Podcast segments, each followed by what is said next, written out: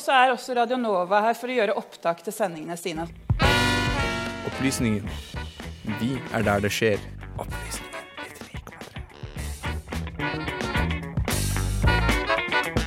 Nå er vi jo altså der at eh, Storbritannia egentlig skulle vært ute av EU og forlatt unionen i går.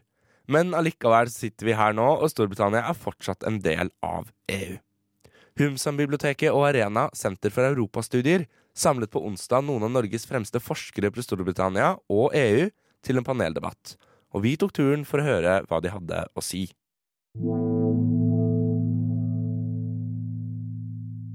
På onsdag inviterte Arena, Senter for europastudier og Humsam-biblioteket ved UiO til et arrangement om britenes utmelding av EU, brexit. Arrangementet Brexit dagen for dagen samlet noen av Norges ledende forskere innen europastudier og statsvitenskap for å diskutere status om brexit. I panelet satt Kristin Haugevik, seniorforsker ved NUPI, Jon Erik Fossum, professor ved Arena senter for europaforskning, Øyvind Brattberg, førstelektor ved Institutt for statsvitenskap, og ordstyreren Guri Rosén, førsteamanuensis ved Oslo OsloMet og forsker ved Arena senter for europaforskning.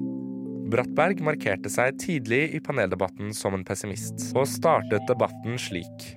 Så flott det er å samles her ved, ved kanten på stupet. Det var i hvert fall, eh, det var i hvert fall sånn det så ut til å, til å bli en stund. At dette å, å, være her 30.10 skulle bety at vi sto på kanten av, av, stupet, metaforisk forstått. Så har noen flyttet på den kanten igjen, og det gjør det jo til stadighet. Akkurat som om det er en dårlig westernfilm. Westernfilmer har kanskje ikke stup og klippekanter, men likevel. Innad i panelet hadde paneldeltakerne tre ulike roller. Fossum fokuserte på EUs interne prosesser rundt nettopp brexit og uttalte seg overrasket over hvordan EU hadde jobbet internt med prosessen. Um, Brexit er ofte fremstilt som en skilsmisse der to parter ved hver sine barn, i analogien borgerne selvfølgelig, bestemmer seg for å skilles. Og jeg mener at Denne analogien kan brukes fordi at brexit har utviklet seg eh, på en måte som mange ikke hadde forutsett.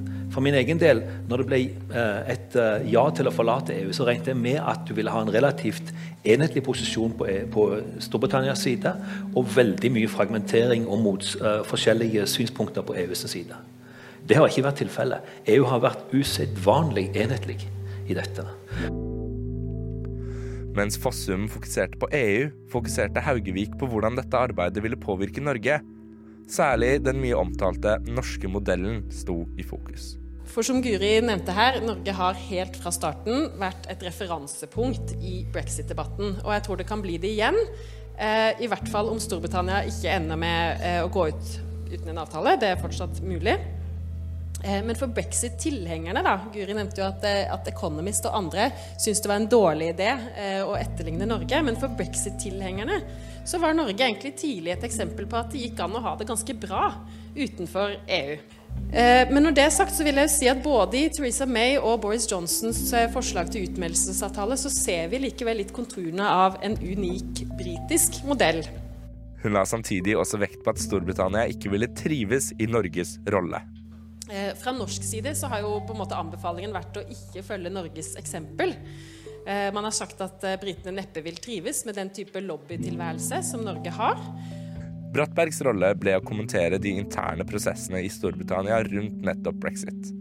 Og spesielt Theresa May kom i fokus i fremleggelsen hans. Eh, Theresa May, som en gang var britisk statsminister, hun var det i, i tre år, og, og, ble født som statsminister av brexit-konflikten og ble kastet ut eh, som statsminister tre år senere av den samme gjenstridige prosessen. Hun holdt sin tiltredelsestale utenfor Downing Street i en tone som tydet på at hun, hun forsto en del av disse nyansene. I alle fall at hun forsto brexit-flertallet som et, et, um, et, rop om samfunnsendring på en lang rekke forskjellige områder, og, en, og nødvendighet av kompromiss og dialog. Og Det var en veldig interessant agenda. Dessverre var det en agenda som, som fullstendig forsvant idet hun selv ble slukt av brexit-forhandlingene og av fløykamper i eget parti. Men også Johnson var under lupen under Brattbergs innledning. Og heller ikke her holdt han tilbake på kritikken. Du skal veie dine ord på, på gullvekt hvis du snakker om uh, Boris Johnson for å unngå å, å havne i noen slags uh, gjørmebrytningens retorikk. Han er, han er jo et uttrykk for eh, en form for eh, maskulin handlekraft i en stund hvor noen mener at det er nettopp det, det man trenger. Altså Det har jo vært hintet til, til fra flere En av de, de tidligere kvinnelige statsrådene eh, påpekte nettopp at det er, at det er et, et, Hun mente det var et kjønnsaspekt i dette. At, at han kunne tillate seg å være så, så macho. Og med det, med det, som utgangspunkt fikk en støtte internt i partiet som Theresa May ikke kunne ikke kunne få. Selv om eh, det han i praksis har gjort, er å, å, å på et vis slamre med dørene, eh, hytte med neven og komme tilbake med tilnærmet samme avtale, foruten at han har kastet Nord-Irland ut i buskaset. Det, er, det, det, sier kanskje noe om vår tids um, ordskifte, politiske ordskifte som ikke er så veldig betryggende, tror jeg man kan, eh, kan konkludere. Alle forskerne som var til stede, lot seg også fascinere over hvor populært brexit hadde blitt blant nordmenn. Eh, og hvis man ser på, Jeg gjorde et sånt kjapt søk i, i A-tekst eh, for å se eh, hvordan dette ser ut. og Da er det faktisk over 60 000 artikler på nett og papir som omhandler brexit. Og da er ikke engang alt med i den søkemotoren. Så det sier litt om på en måte den massive interessen. Brattberg bet seg merke i hvordan brexit ble oppfattet. Eh, Brexit-prosessen, Storbritannias vei ut av EU, har vist seg å ha klare likhetstrekk med amfetamin, tror jeg man kan si. Noe som holder en, en evig våken, som er umulig å, å, å, sovne fra. Som er en form for stimulans, men som også er en, et, et slags irritasjonsmoment. Eller noe som gjør, eh, skaper en underliggende nervøsitet hos alle involverte. Enten de, enten de er faktiske aktører i det store maskineriet, eller om de er observatører på, på sidelinjen. Haugevik sammenlignet heller brexit med en TV-serie. Jeg tenker også at brexit er litt som en TV-serie, hvor på en måte den første sesongen var veldig original og, og spennende. Eh, men så da i de nyere sesongene så er det litt mer av det samme plottet, på en måte. Eh, selv om man har bytta ut noen av skuespillerne da, på scenen. Mot slutten av samtalen stilte Rosén følgende spørsmål. Da er vi ved veis ende. Jeg har ett siste spørsmål, og dere får kun lov å svare ja eller nei. Kun lov å svare ja eller nei. Spørsmålet er klarer Storbritannia og EU finne en løsning innen tre måneder? Kristin, ja eller nei? Ja. Jan Erik, ja eller nei? Kun ja eller nei? Ja.